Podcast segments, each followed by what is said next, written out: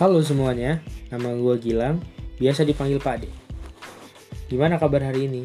Semoga sehat selalu ya. Jangan lupa cuci tangan pakai sabun, pakai masker, dan selalu jaga kesehatan ya. Oke, langsung aja kita mulai. Jadi, ini adalah podcast pertama gue.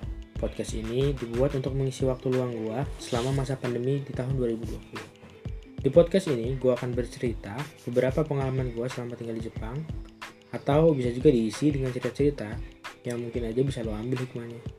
Sekian pengenalan podcast kali ini. Semoga kalian suka dan podcast ini bisa memberi manfaat untuk kita semua. Gua Gilang, sampai jumpa lagi.